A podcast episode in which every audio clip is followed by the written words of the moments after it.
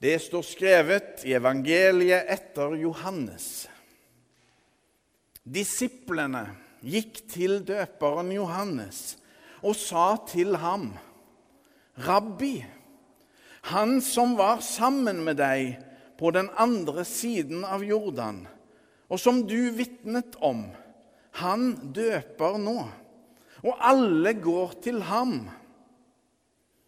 Johannes svarte, 'Et menneske kan ikke få noe' uten at det blir gitt ham fra himmelen. Dere er selv mine vitner på at jeg sa, 'Jeg er ikke Messias', men jeg er sendt i forveien for ham.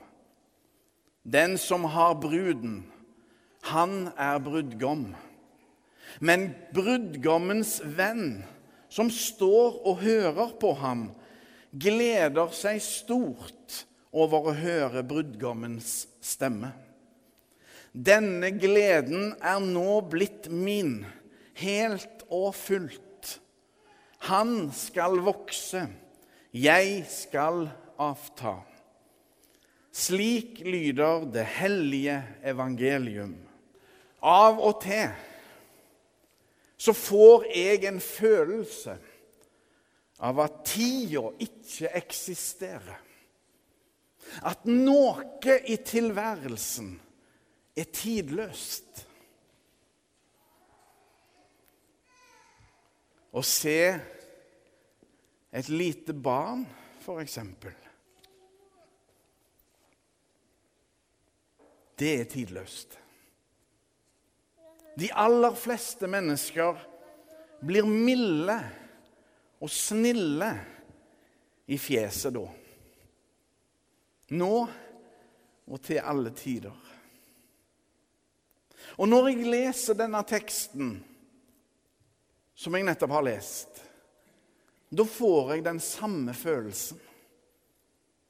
For det er ganske fantastisk å tenke på at den dåpen de snakker om i teksten, det er den samme typen dåp vi har sett her nå i Lurakirka i dag. Det dreier seg om Jesusdåpen. Og den finner sted før påskedramaet. Før Jesu død og oppstandelse. Ryktene går om Jesus. Og sjøl om det ikke er Jesus sjøl som døper. Men disiplene, medhjelperne hans, det står presisert i neste kapittel ganske tydelig. Er det som skjer for snart 2000 år siden, helt tidløst? For det er akkurat den samme dåpen vi har sett to små gutter, Jens og Tom, få i dag. Døperen Johannes, den store helten for mange, viser seg som den forløperen han faktisk er for Jesus. Og noen vil kanskje si at døperen Johannes fikk helt rett i sin spådom. Han skal vokse 'Jeg skal avta'. Iallfall hvis du vet hvordan det faktisk gikk med døperen Johannes. Han ble jo tatt til fange av kongen, og ganske snart et hode kortere, som vi sier på Haugalandet. Og kjenner jeg Johannes rett, var hans utsagn meint både konkret og symbolsk. Døperen Johannes er krystallklare i sin tale om Jesus. Jesus er brudgommen, Messias, Kristus, Kristus, den salvede, kongen Det er som han, han liksom bruker en sånn som dette her. Og peker på Jesus som den viktigste. Og når jeg sier en sånn som dette her, så skal dere følge litt med nå. Ser dere den prikken der? Ser dere den? Det er en sånn en laserpinne, dette her. Og det som jeg nå peker på, det var der salmenumrene var før. Når vi hadde salmebøker, og så skulle vi liksom finne ut hva nummer skal vi nå synge. Og så er det andre ting her i kirka. Jeg har snakket om den båten. Ser dere den nå? Nå peker jeg på den. Peker jeg på veggen òg? Ja, det gikk gjennom. Der ser dere. Laser, det er skumle greier. Må jeg aldri se inn i en sånn en. Nei, nei, nei. Og så er det som om døperen Johannes sier, 'Se nå, hva peker jeg på nå?' Og da er det akkurat som om døperen Johannes sier, 'Der. Der er han. Der er Jesus, frelserkongen. Han er så viktig.' sier døperen Johannes. Og så kunne han òg ha pekt sånt.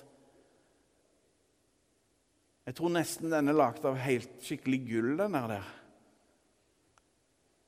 Det er korset med Jesus på. Det er som om Johannes liksom bruker en sånn en. Dette er det viktigste jeg vil si dere, sier døperen Johannes. Og så skal vi tenke stort om våres dåp. Den utgjør den store forskjellen, slik Jesus utgjør den store forskjellen. Han som ga oss dåpen, og som virker i dåpen. Hva var det som fikk våre foreldre til å bære oss til dåp i sin tid? Hmm. Har du anledning, så spør din far eller mor om det. Og jeg spurte en gang min mor om hvorfor jeg ble døpt. Tradisjon, svarte mamma. Så kan det være at den gode tradisjonen for noen er grunn god nok til å bære sine barn fram til dåp. Uansett så er det mer å hente enn vann og tradisjon i dåpen. Her er selve livet. Vi blir merka av Jesus i dåpen, gjort til hans eiendom. Merka for livet, med stor L. Merka for livet.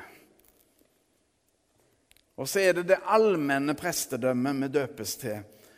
Min 28-årsdag som prest var på mandag 31. mai. Men egentlig så ligger det en prestevigsel i dåpen.